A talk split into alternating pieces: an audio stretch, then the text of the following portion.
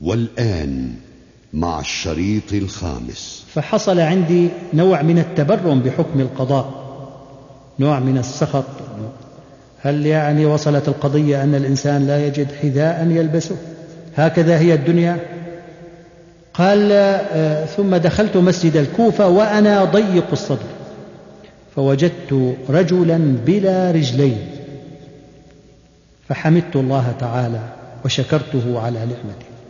أنت تفقد الحذاء ذاك يفقد الرجلين. الساخطون الشاكون والمتباكون على ما فاتهم من متاع الدنيا. حرموا لذة القناعة فهم لا يشعرون بما يتمتعون به من نعم غامرة. فقد ألفوا تلك النعم وبعضهم حصل عليها بسهولة وهم يقولون دائما ينقصنا كذا وكذا ونريد كذا وكذا. ولا يقولون عندنا كذا وكذا. يعني بدل أن نقول ينقصنا كذا وكذا لماذا لا نتذكر أننا نملك كذا وكذا وكذا في كل اتجاه وعلى كل وعلى كل مستوى؟ نحن إذا أراد الواحد منا أن يكون سعيدا هذا أمر ممكن تحقيقه. لكننا في الغالب نريد أن نكون كغيرنا من الناس وليس أي ناس. ولكن الناس الذين يظهرون أنهم يملكون أكثر مما نملك ويتمتعون بما لا نستطيع التمتع به. وهذا أمر عسير دائما لأنه يغلب على ظن معظم الناس حتى المحسودين منهم يغلب على ظنهم أن غيرهم أسعد وأحسن حالا منهم وأقل شعورا بالأزمات والمشكلات منهم. فلما تأتي أنت وتريد دائما أن تكون مثل فلان وفلان سوف تتعب. وسوف آه، تجد أن ما هو مطلوب لك دائما هو فوق طاقتك وهو أكثر مما هو آه، متاح وهذا مصدر من مصادر الشقاء. إن أكثر ما يؤذي أحاسيس الرضا والطمأنينة أن نضعها موضع تساؤل ونضعها موضع شك وتردد. وذلك حين نسأل أنفسنا هل نحن سعداء أو لا. السعادة أيها الإخوة أيتها الأخوات تحب الغفلة وتكره الأضواء وتؤذيها المقارنات وتؤذيها التطلعات غير المحدودة. فلننتبه إلى هذه المعاني إذا أردنا ألا نحط رحالنا على بوابات الشقاء. من المهم حتى نكون سعداء أن نؤمن إيمانا لا تردد فيه أن السعادة مع قلة المال وضعف النفوذ وندرة الأشياء تظل شيئا ممكنا. وعلينا أن نتعلم من الطيور شيئا في هذا الشأن. العصفور لا يقل مرحه وتغريده عندما لا يحصل على غير كسرة الخبز. يجب أن نؤمن دائما كما يؤمن البحار أن الرياح الطيبة ستهب لتجري سفينته في الاتجاه المطلوب. وأن نؤمن أن العشب سيظهر مرة أخرى حتى لو كانت الأرض قاحلة أو مغطاة بالثلوج. السعادة باختصار ليست شيئا ظاهريا وليست أسبابها ملموسة دائما. الخيال والاعتقاد والتفاؤل والأمل والثقة بالله جل وعلا والاعتقاد بأن المحن لا تدوم وأن مع العسر يسرا. كل هذه أمور تفتح لنا أبواب الحياة الطيبة آه، على مصراعيها دون أن يكون بين أيدينا الكثير من الأشياء. هذا ليس ادعاء ولا تعزية لأصحاب الحاجة أو للعناصر الهشة والضعيفة فينا. هذا هو الحقيقة الساطعة والملموسة. أختم الحديث عن القناعة بما روي أن رجلا سأل عمر بن عبد العزيز رحمه الله ما خير شيء أعلمه لولدي يا أمير المؤمنين؟ فقال له عمر علم ولدك الفقه الأكبر. هناك فقه أصغر وهو فقه الفروع وهناك فقه أكبر. وهو فقه النفس. قال له علمه الفقه الأكبر. ما الفقه الأكبر؟ قال القناعة وكف الأذى. القناعة وكف الأذى هما الفقه الأكبر آه، في حياتنا الخاصة والاجتماعية في نظر فقيه النفس. عمر بن عبد العزيز رحمه الله. رابعا هناك ما يشبه الإجماع بين خبراء الحياة وأساتذة الحكمة على أن العمل والكدح وبذل الجهد يعد مصدرا أساسيا من مصادر الحياة الطيبة وهو إلى جانب هذا قد يكون شرطا لها. أي من غير الممكن أو من الصعب على أقل تقدير أن ينعم المرء بالسعادة والرضا إذا كان يجد نفسه بصورة دائمة معطلا عن العمل كما أشرنا إلى هذا من قبل. وفي هذا السياق نجد أن فينا من تداعبه أحلام الفراغ ويغبط أولئك الذين لا يلتزمون بأي عمل ولا يبذلون أي جهد وإنما فرغوا أنفسهم لاصطياد الملذات من كل الأنواع. وهذا في تصوري وهم كبير. أن نحلم بحياة خالية من المهمات خالية من المسؤوليات خالية من الواجبات خالية من المتطلبات. هذا وهم آه، كبير في نظري. العمل نعمة كما أن الصحة كذلك نعمة وكما أن الصحة تاج على رؤوس الأصحاء لا يعرفه إلا المرضى. كذلك العمل تاج على رؤوس العاملين. لا يعرفه إلا من ذاق طعم البطالة الطويلة الأمد. نحن أمة في حاجة ماسة إلى أن تعيد بناء نفسها في كل المجالات. إذا ما أرادت ألا ينهار موقعها العالمي أكثر فأكثر. وإن أحد المداخل الأساسية لذلك لأن نحافظ على موقعنا ولأن نتخلص من الكثير من مشكلاتنا.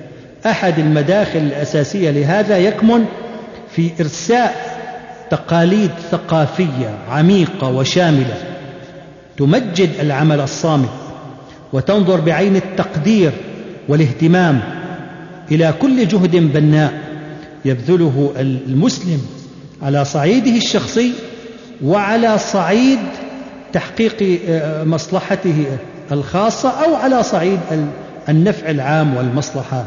العامة كانت العرب في الجاهلية تحتقر المهن والعمل اليدوي عامة وكان أحب الأموال إليهم.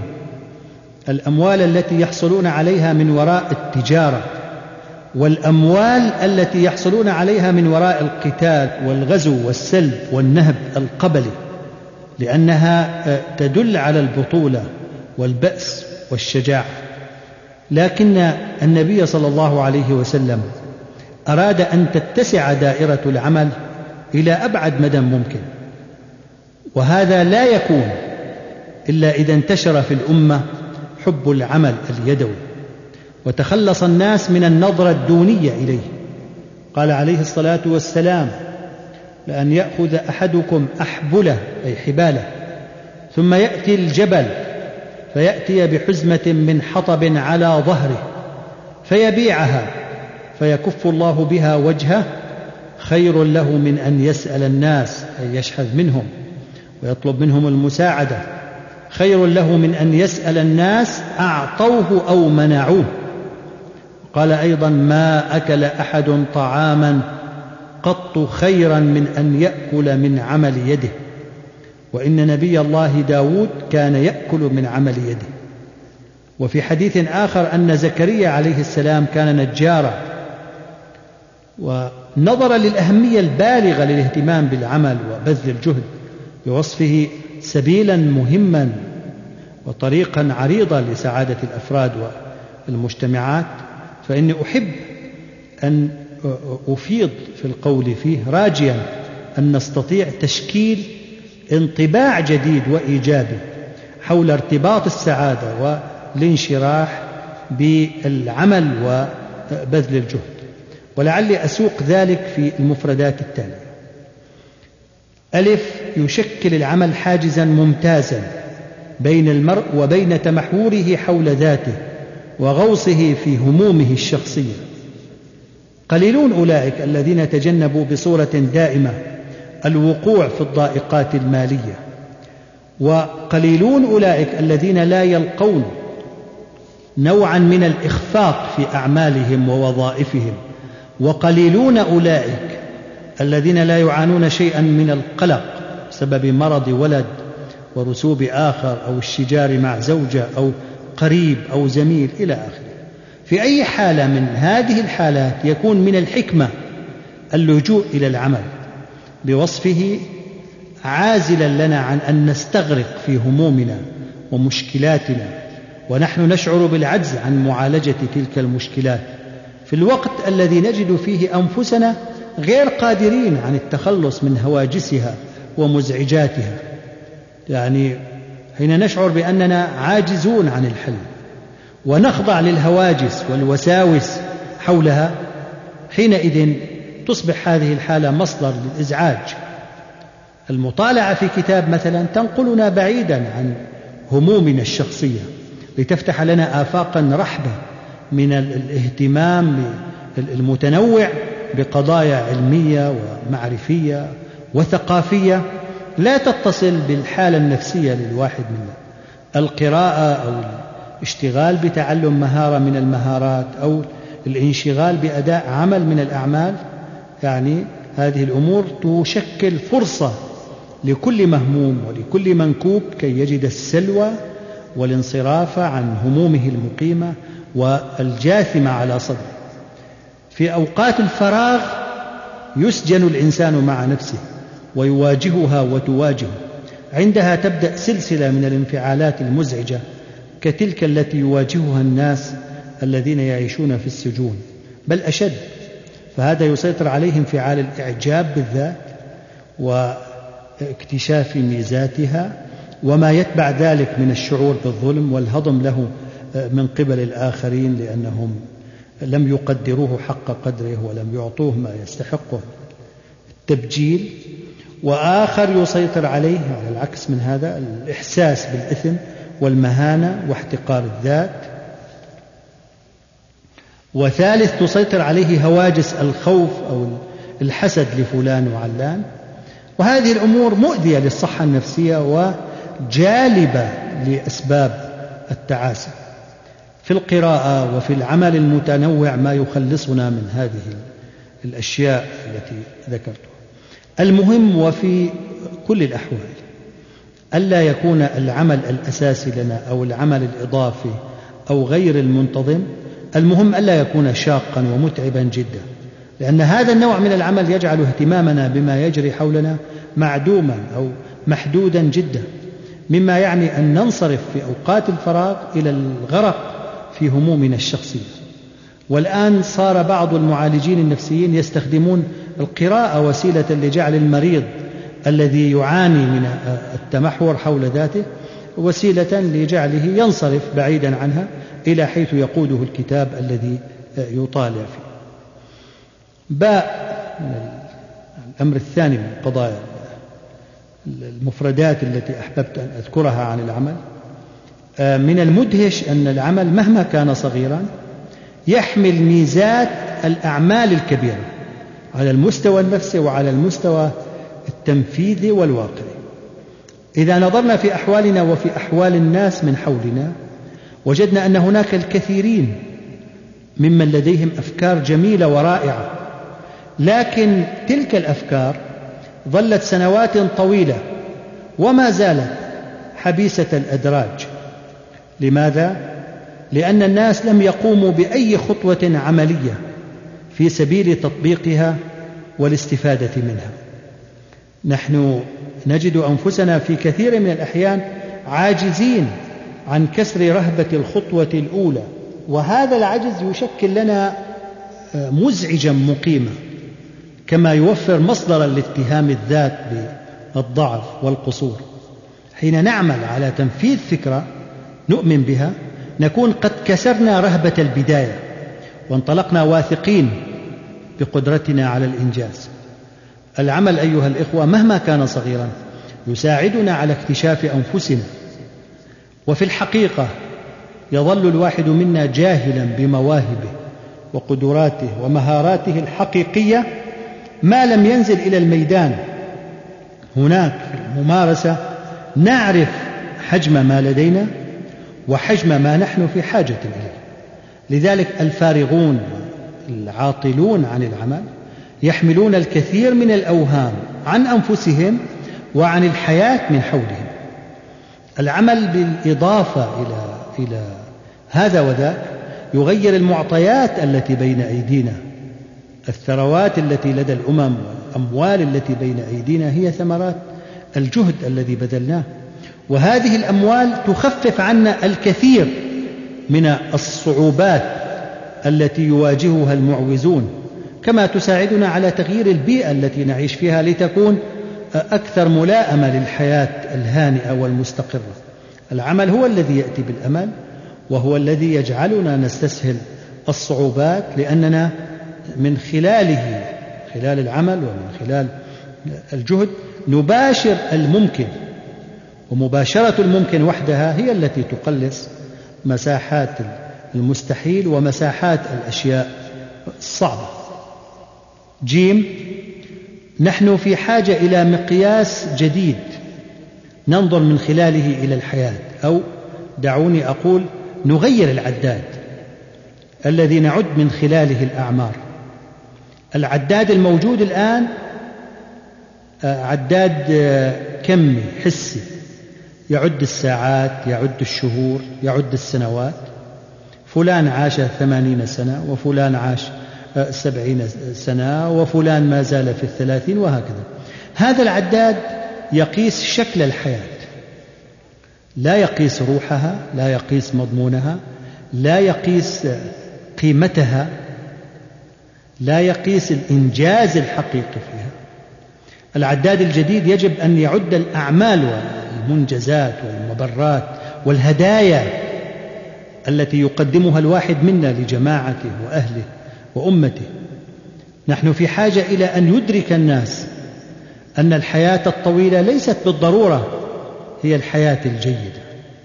والحياة القصيرة ليست أيضا بالضرورة هي الحياة التي تستحق الندب والعويل والرثاء. الحياة الطويلة هي الحياة الممتلئة بالأفكار الممتلئة بالمشاعر المشحونة بالأحاسيس بالأعمال الجليلة بالإنجازات العظيمة. هذا هو المقياس الذي يجب أن نتعلق به ونحسب الأعمار على أساسه قد مر على هذه الأرض قبلنا أعداد هائلة من البشر. كما سنمر نحن بدورنا. ولم يسجل التاريخ لأي ممن مضى عناوين للعظمة والخيرية بناء على أنه عاش آه، مئة سنة. أو مئة وعشرين. إن التسجيل دائما كان بناء على الأعمال والآثار التي تركها السابقون. نبينا محمد صلى الله عليه وسلم وهو أفضل الخلق عاش ثلاثة وستين عاما كما تعرفون. لكن الأثر الذي تركه في البشرية يزيد على آثار ملايين الرجال الذين عاش الواحد منهم أكثر من مئة سنة. يعني الإمام الشافعي رحمه الله عاش خمسة وخمسين عاما. الإمام النووي رحمه الله عاش خمسة وأربعين عاما. هل تصدقون أن رجلا توفي في الخامسة والأربعين استطاع أن يترك لنا هذه الموسوعات الفقهية الرائعة وكتبا أخرى كثيرة في غير الفقه؟ إن ملأنا لحياتنا بالأعمال التي تنفعنا في الدنيا ونجد آثارها في الآخرة هو الذي يجعل حياتنا تطول وتطول إنها تطول بالسعادة التي يتركها العمل في نفوسنا وتطول بالأجر الذي ننتظره من الله جل وعلا يوم لا ينفع مال ولا بنون. هذا هو التحدي. فهل نقبله ونغير العداد؟ ليصبح عدادا يعد المضامين والمعاني وليس الأنفاس وعدد دقات القلب. إذا استطعنا تغيير العداد فإنني أعتقد أن هذا سيشكل حافزا لنا لنتعامل مع الوقت بطريقة جديدة لنجعل مقياس الأوقات التي نعيشها وننعم فيها هو الإنجاز الذي يتم فيها وليس البطالة أو الفراغ الذي يقتلها. دال آه، من حق كل واحد أن يتساءل هل حقيقة كل عمل؟ ولو كان غير مجهد يحقق السعادة التي نتحدث عنها أم أن الأمر لا يعدو أن يكون نوعا من الحث على العمل أو نوعا من الوعظ الحالم؟ الحقيقة أن بعض الأعمال يقوم بها أصحابها ليس من أجل فوائدها بشكل جوهري وإن كانت قد تأتي ببعض الفوائد وإنما من أجل التسلية وطرد السأم والملل والتخلص من الفراغ وذلك مثل الثري الذي يمارس هواية صيد السمك هو لا يعني يقوم بذلك آه، آه، من أجل أن يوفر غداء يوم أو يوفر لأسرته عشاء يوم. وإنما من أجل المتعة بهذه الاستمتاع بهذه الهواية والتسلية والتخلص من أعباء العمل الجاد المنتظم. هذا النوع من الأعمال إذا ظل في حدود الاعتدال آه، فإنه يحقق بعض السعادة لكونه سد بابا من أبواب التعاسة وهو الضجر والفراغ أما العمل الهادف الذي نريد أن نحقق من ورائه نتائج محددة فإن وضعه ليس كذلك. هذا العمل إذا أدي بطريقة سيئة بعيدة عن الإتقان والتنظيم فإنه لا يمتع صاحبه لكنه يشكل له نوعا من الارتكاس النفسي لأن المرء حين يؤدي عملا بطريقة رديئة يشعر بأنه لم يقم بواجبه كما ينبغي. والمرء غالبا في هذه الحالة لا يكون محبا للعمل الذي آه، الذي أسند إليه. ويكون في كثير من الأحيان دخل ذلك المجال مجال العمل الذي لا يتقنه دخله عن طريق الخطأ. ولذا فهو دائما آسف ونادم على على ما يقوم به. وهكذا العمل لا يكون مصدر سعادة إلا من حيث الأجرة التي ينالها صاحبه عليه. العمل الممتع والذي يأخذ بلب الإنسان فعلا ويستحوذ على مشاعره ويرضيه غاية الإرضاء هو العمل الذي يؤدى بطريقة إبداعية. فيها تجديد فيها فيها تفكير فيها آه، يعني يعني آه، رؤية جديدة فيها عطاء متميز. وذلك العمل هو الذي يؤدى بطريقة إبداعية. فيها تجديد فيها آه، تفكير والذي أيضا يؤدى بطريقة متقنة متفوقة إن المرء وهو يقوم بعمل يحبه ويتقنه يشعر بأنه يضيف إلى الحياة شيئا قيما ويشعر أنه يحقق ذاته. كما يشعر أنه ينمو ويكبر مع كل إنجاز يحققه قد ورد في الحديث قوله صلى الله عليه وسلم إن الله يحب إذا عمل أحدكم عملا أن يتقنه. يعني الإتقان في العمل هو أحد محبوبات الله تبارك وتعالى. ولذلك حين نتقن أعمالنا نشعر بأننا أقرب إلى إبراء الذمة وأقرب إلى إرضاء الله تعالى. لنجرب أن نعمل في عمل نحبه ولنجرب أن نؤدي ذلك العمل بأفضل طريقة ممكنة. لنرى بعد ذلك حجم ما يعود على نفوسنا من انشراح وسرور وسعادة من وراء ذلك العمل هناك أشخاص يعانون من بعض الإعاقة المؤلمة ومع هذا استطاعوا من خلال الاهتمام ببعض الأشياء والإبداع في في بعض آخر أن يتجاوزوا الآثار النفسية لإعاقاتهم بل انتقلوا من أن يكونوا موضع إشفاق لدى الناس إلى أن يكونوا موضع احترام وموضع آه، إعجاب. يعني يعني فعلا حين ترى إنجازات بعض المعاقين وتستصغر نفسك وأنت السليم المعافى. هذا شاب فقد ساقيه في وقت مبكر من حياته. ومع ذلك ظل يشعر بالسعادة والهدوء من خلال انكبابه على تأليف كتاب في خمسة أجزاء عن آفات الورد. وصار آه، هذا الفتى أو الشاب في نظر بعض المختصين مرجعا موثوقا في أمراض الورود والقصص الشبيهة كثيرة وكثيرة. ها كثيرون أولئك الذين يشكون القلة وضعف الحيلة والعجز عن الوفاء بمتطلبات الحياة. وفي الوقت نفسه ينظرون حولهم فيرون الكثيرين ممن ينعمون بأشياء لم يتعبوا بالحصول عليها.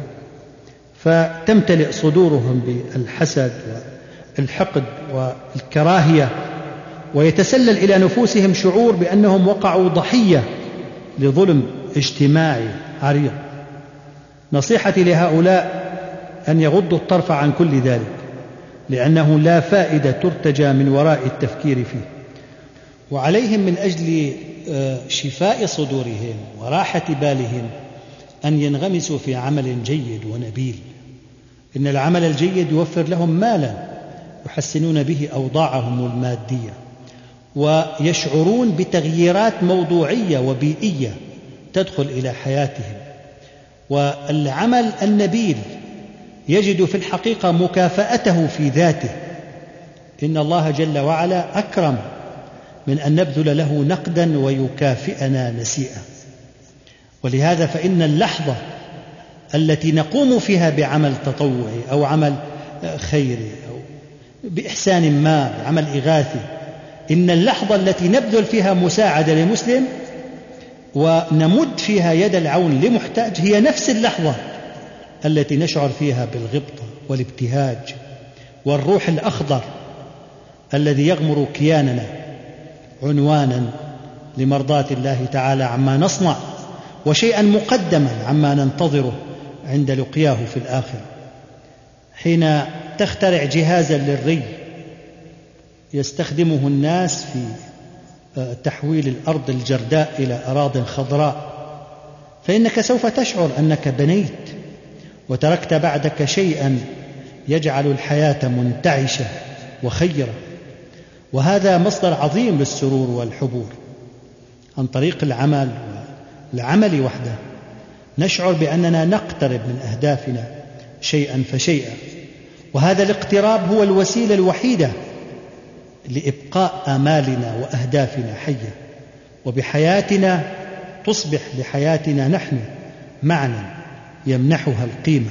خامسا الأمر الخامس من موارد الحياة الطيبة. البشاشة والتبسم والمرح والإيجابية والاستبشار كل هذه أمور تساعد على انشراح الصدر وإيجاد الأحاسيس والمشاعر الندية والسارة. نحن في حاجة مستمرة إلى أن نستبشر ونبشر الآخرين في حاجة إلى أن نبتسم ونجعل الآخرين يبتسمون. نمرح ونجعل غيرنا كذلك يمرح.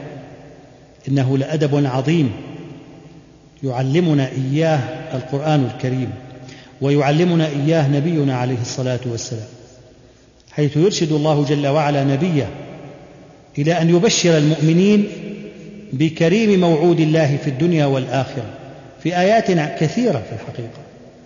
يقول سبحانه فبشر عباد الذين يستمعون القول فيتبعون أحسنه وقال وبشر الذين آمنوا وعملوا الصالحات أن لهم جنات تجري من تحتها الأنهار. وأرسل الله جل وعلا ملائكته بالبشرى إلى بعض عباده الصالحين. كما نعرف ذلك من قوله سبحانه ولقد جاءت رسلنا إبراهيم بالبشرى وقوله سبحانه وإذ قالت الملائكة يا مريم إن الله يبشرك بكلمة منه اسمه المسيح عيسى ابن مريم وبشر عليه الصلاة والسلام زوجه خديجة ببيت في الجنة من قصب. القصب هنا اللؤلؤ المجوف. بشرها ببيت من قصب لا صخب فيه ولا نصب أي بيت هادئ لا صياح فيه ولا تعب. وبشر عددا من أصحابه كذلك بالجنة على ما هو معروف ومشهور البشارة توجه العقل وتوجه الروح والخاطر نحو التفاعل مع أعذب الآمال والأمنيات والمحبوبات فيضج الجو كله بالحبور والسرور. وتنسى الآلام وتختفي المزعجات. التبسم له تأثير هائل على الحالة النفسية للإنسان على نحو لا يدركه كثير من الناس. إن أحوال الروح تابعة لأحوال البدن. فبمجرد أن تنفرج أسارير الإنسان ويضحك أو يبتسم ينشأ تيار من السرور والاستبشار ليجتاح النفس ويغير في وضعيتها. ومن الصعب أن يبتسم المهموم أو المكتئب دون أن يطرأ تغيير فوري على حالته النفسية. ومن هنا عد عليه الصلاة والسلام التبسم نوعا من المعروف أو الإحسان حين قال تبسمك في وجه أخيك صدقة لك. وقال لا تحقرن من المعروف شيئا ولو أن تلقى أخاك بوجه طلق. سماه آه، معروفا وسماه صدقة. حين يبتسم الإنسان في وجه أخيه فإنه يحسن إلى نفسه أولا. يعني هذه ناحية آه، آه، قد لا ندركها دائما. أنت حين تبتسم قبل أن تشيع الابتسام في نفس المجالس لك تشيعه في نفسك أولا. آه، فالمرء حين يبتسم في وجه أخيه يعني آه، يدفع حالته النفسية مباشرة نحو الانشراح والسرور. ويحسن أيضا إلى الذين يبتسم في وجوههم حين يشيع فيهم مثل ذلك. أن من طبيعة السرور أنه ينتقل بالعدوى بل لا يتم إلا إذا جرى فيه التبادل. فأنت حين تكون في حالة تفاؤل وانبساط وارتياح تشيع ذلك في جلسائك. السرور بطبيعته يحب الانتشار. فنحن لا نسر إلا إذا منحنا السرور لغيرنا. إلا في حالات الأنانية المرضية حالات الانحراف النفس. هناك أناس لا يكتمل سروره إلا إذا كان الناس الذين حوله مكتئبين. يعني هو يشبه نفسه بجزيرة في وسط في وسط بحر. يجب أن يكون مغايرا للناس. تشتد لذته ويشتد فرحه وسروره يعني مثل الذي يجلس في في سيارة مكيفة باردة والناس من حوله يسيرون في شارع درجة الحرارة فيه خمسون النبيل يتألم وتنقص متعته بما هو فيه. ال- الذي عنده شيء من اللؤم شيء من من مرض الأنانية هذا يتلذذ ويشعر بالتفوق ويشعر بال يشعر بال بالحظوة حينما يكون سروره عبارة عن جزيرة في بحر يموج بالآلام. حين نضحك لسماع طرفة أو حكمة أو خبر أو تذكر شيء جميل أو توقع شيء محبوب حين نضحك معا نغمر أنفسنا بمشاعر الأخوة والزمالة والمساواة وتزول آنذاك الفوارق الاجتماعية والثقافية بلمحة بصر وحين تلتقي أعيننا ببعضها ونحن في ذروة الضحك والانفعال السار الذي تحدثه الطرفة أو الدعابة يحدث نوع من التفريج عن الكروب العصبية والنفسية التي نصاب بها من وراء تحمل أعباء الحياة ونتبادل في تلك اللحظة لحظة الضحك من الطرفة والدعابة. أو الخبر الجميل نتبادل مشاعر العرفان والثقة والتفوق والانفتاح والألفة والعفوية. وكأن الطرفة تحول أهل المجلس إلى عناصر كيميائية جمعتها خلطة واحدة فأخذت تتفاعل وتتفاعل على نحو مدهش وعجيب. ولهذا لم يكن مستغربا أن يشير بعض الدراسات إلى أن الأشخاص ذوي الطبيعة المرحة يعيشون أكثر من الذين تغلب عليهم الكآبة. بالدعابة تظهر براءة الإنسان ويذهب عنه التكلف والاحتشام المصطنع كما أن في الدعابة أمانا من الكبر. قد كان عليه الصلاة والسلام يداعب أصحابه ويضحك مما يضحكون منه ويعجب من الأمور التي يعجبون منها. يقول أحد الشعراء المعاصرين حاثا مكتئبا على أن يبتسم لأنه مهما ساءت حالته فلديه بعض الأسباب التي تسمح له بذلك. يقول قال السماء كئيبة وتجهما قلت ابتسم يكفي التجهم في السماء. قال الصبا ولا فقلت له ابتسم. لن يرجع الأسف الصبا المتصرما قال العدا حولي علت صيحاتهم أأسر والأعداء حولي في الحمى. قلت ابتسم لم يطلبوك بذمهم لو لم تكن منهم أجل وأعظم. هذا البيت الأخير يبدو مأخوذ من كلمة لأحد آه، فلاسفة اليونان. يقول فيها إذا رأيت الناس يرمونك من خلفك بالحجارة فاعلم أنك في المقدمة قلت ابتسم لم يطلبوك بذمهم لو لم تكن منهم أجل وأعظم. قلت ابتسم لم يطلبوك بذمهم لو لم تكن منهم أجل وأعظم. قال الليالي جرعتني علقما. قلت ابتسم ولئن جرعت العلقما. فلعل غيرك إن رآك مرنما طرح الكآبة جانبا وترنما أتراك تغنم بالتبرم درهما أم أنت تخسر بالبشاشة مغنما؟ فاضحك فإن الشهب تضحك والدجى متلاطم ولذا نحب الأنجما. الأفكار الإيجابية هي الأخرى تبعث السرور في نفوسنا. ومن المؤسف أننا في زمان ينتشر فيه الإحباط في نفوس كثير من الأخيار كما ينتشر الوباء وذلك نتيجة سيطرة الأفكار السلبية عليهم. هناك أشخاص يدلون الناس من حيث لا يشعرون ومن حيث لا يدركون يدلونهم على الطرق المسدودة. ولا تعرض أمامهم فكرة إيجابية إلا ذكروا لك السلبيات التي يمكن أن تنشأ عنها فيشيعون في الناس روح الكابه والانكسار واليأس من صلاح الأحوال. وهذا يتنافى مع منطوق ومفهوم قوله صلى الله عليه وسلم بشروا ولا تنفروا إن من المهم أيها الإخوة الكرام أن نعتقد أنه ما يغلق باب إلا ويفتح باب آخر.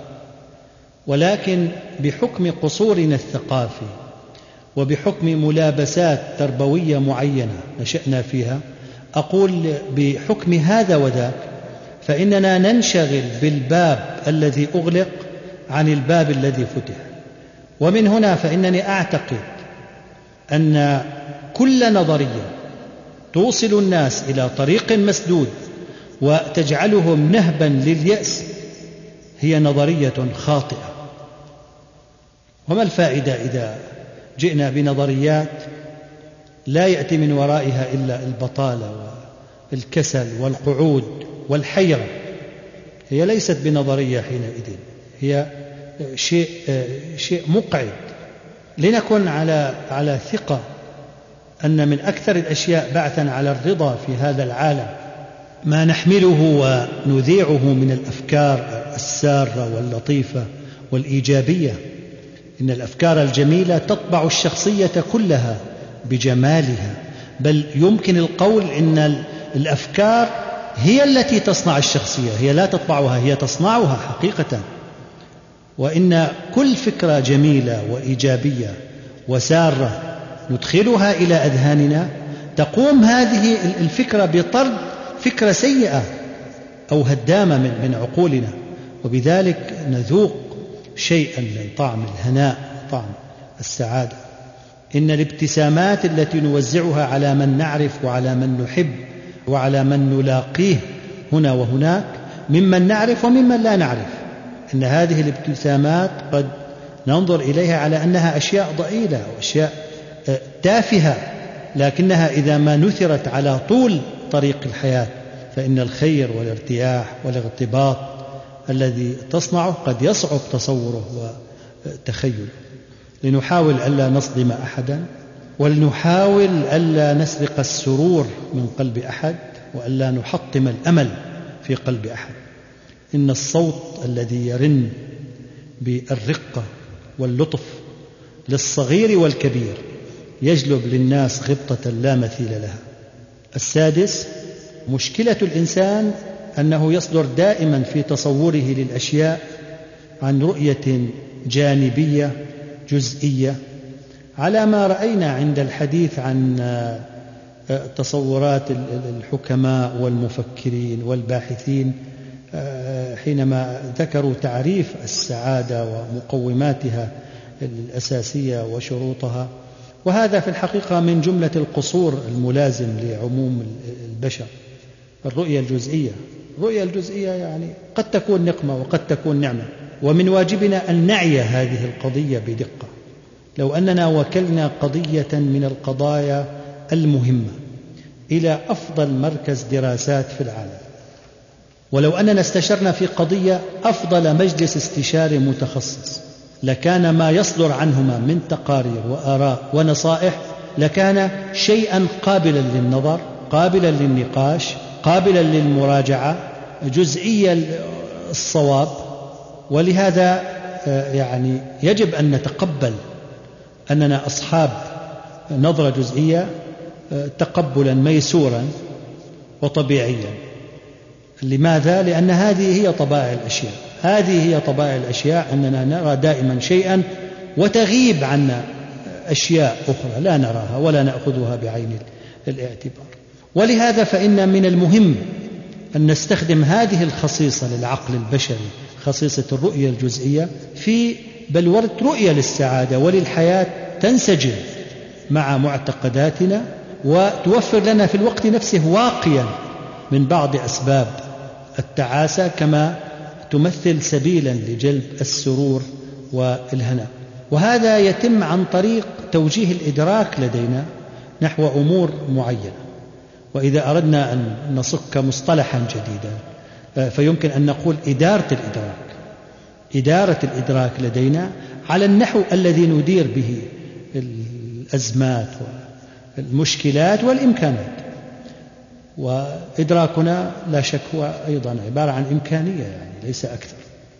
ولعلي أوضح هذه المسألة المهمة جدا عبر المفردات الآتية.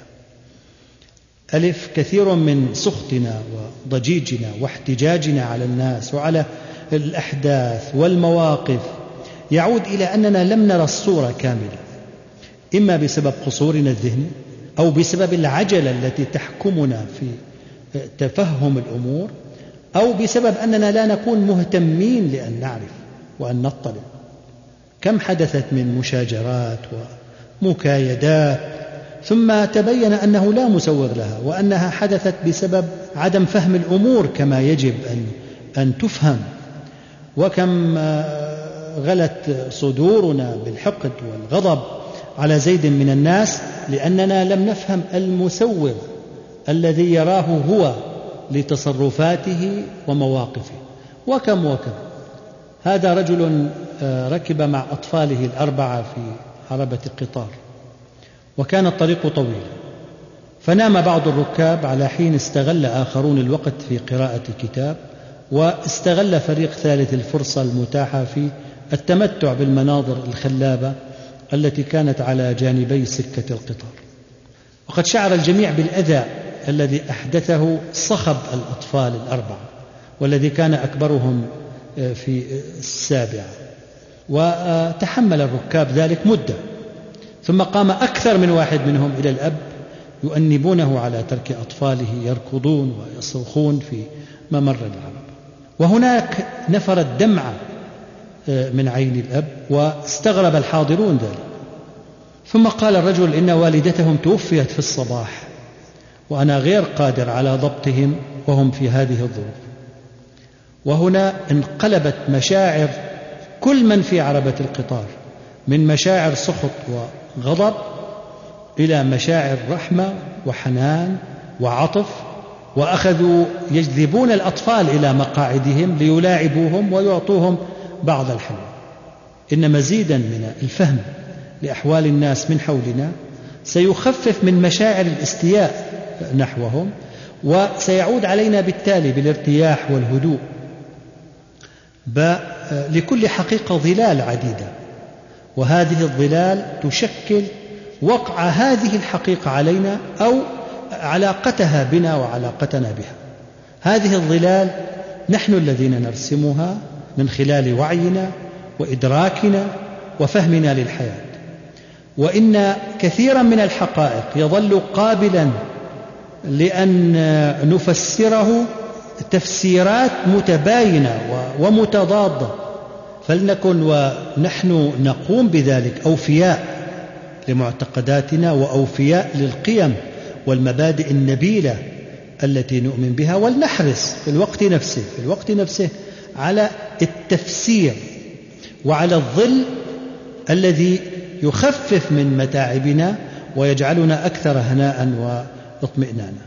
ما دام ذلك التفسير ممكنا وما دام متقبلا. يقول الله جل وعلا عن النساء وعاشروهن بالمعروف فإن كرهتموهن فعسى أن تكرهوا شيئا ويجعل الله فيه خيرا كثيرا.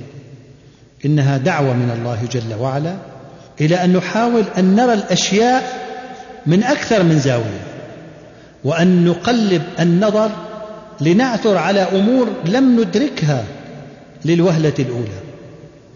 على سبيل المثال الموت حقيقة كونية ثابتة ليست موضع جدال. والناس ينظرون إليه على أنه نهاية حياة محبوبة ومرغوبة حتى بالنسبة لمعظم التعساء. ويخافون مما يأتي بعده من عذاب أو من أمور مجهولة لا يعرفون عنها أي شيء. لكن يمكن لنا الانطلاق من نقطة مغايرة لما عليه الآخرون. ويمكن النظر إلى الموت على أنه فاتحة لخير عظيم وبداية لحياة جديدة. وأن ننظر إلى الحياة التي نحياها الآن على أنها حاجز يحول بيننا وبين نعيم الآخرة. هذا هذا بلال هذا بلال رضي الله عنه آه، آه، تحضره الوفاة فتبكي زوجته وتقول ومصيبتاه وتندب زوجها وتتألم على فراقه وتتذكر كيف تستطيع أن يعني تعيش بعده وكيف تقوم بشؤونها وشؤون أسرتها. وبلال بلال وزوجته تندب يقول غدا ألقى الأحبة محمدا وصحبه. امرأته تنظر من زاوية وهو ينظر من زاوية أخرى. مثال ثان على هذا من النادر أن ترى ثريا أو جميلا أو قويا لا يحسده الناس على ثرائه وجماله آه، آه، وقوته أو لا يغبطونه عليه على الأقل كما ورد كل ذي نعمة محسود. أبو بكر الصديق رضوان الله عليه يقدم للأمة رؤية مغايرة للثروة آه، حين يقول لا تغبطوا الأحياء إلا على ما تغبطون عليه الأموات. ماذا يقول؟ لا تغبطوا الأحياء إلا على ما تغبطون عليه الأموات. يعني كأنه رضي الله عنه يقول تخيل أن الذي يتمتع بما يغبط عليه قد توفي. فإذا كان سيظل بعد وفاته موضعا لغبطتك فاغبطه. على ما هو فيه الآن وهو حي. وإذا كنت لن ترى وجها للغبطة آنذاك فلا تغبطه الآن. وقد انطلق رضوان الله عليه من أن الدنيا بكل نعيمها وخيرها وألقها وسرورها لا تعد أن تكون شيئا مؤقتا وهي إلى زوال أكيد. وهذا منه رضي الله عنه يدل على فهم عميق لأحوال الدنيا وأهلها. آه، آه، آه، حين يموت إنسان لا يقول أحد هنيئا له ترك قصرا فاخرا وثلاثين ولدا. لا يقول أحد هنيئا له لقد كان رجلا وسيما أو مديرا ناجحا. لأن الناس يعرفون أن ما كان من الدنيا يظل في الدنيا وأن ما كان من الآخرة يذهب مع صاحبه إلى الآخرة كما ورد في الحديث الصحيح أن الإنسان حينما يموت يتبعه أهله وماله وعمله. يرجع اثنان يرجع أهله ويرجع ماله ويظل معه عمله. ولهذا فإننا نقول عمن يعني يعني عمن نسمع بوفاته نقول هنيئا له قد بنى مسجدا وهنيئا له كان يصلي دائما في الصف الأول وهنيئا له كان لا يدخر وسعا في خدمة الناس. هكذا. فيعني هكذا يكون النظر الثاقب وتكون الرؤية الأصيلة. ولو أن الناس فكروا بهذه الطريقة بالطريقة التي يرشدنا إليها أبو بكر الصديق رضي الله عنه لما حسد أحد أحدا على شيء من أمر الدنيا. ولكن هيهات هيهات. كتب رجل في الثمانين إلى رجل في الستين مهنئا له على بلوغه هذه السن مع الصحة والعافية. وقال لقد بدأت تعيش بعد ستين سنة من التأهب وأنت الآن من الحكمة والخبرة بحيث يمكنك أن توجه نفسك وتساعد غيرك.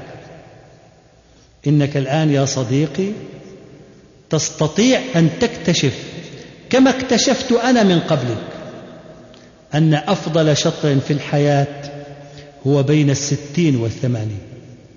لا تتصور يا صديقي أبدا أنك تقترب من النهاية إنك تقترب من بداية جديدة. إنك إذا اعتقدت ما أقول لك فإن موقفك سيتغير كليا وسوف يكون لك مستقبل تستشرف وتتطلع إليه. ثم قال له إن على المرء أن يحيا الحياة بمباهجها وعليه أن يتحملها في بعض الأوقات ولكنها على كل حال.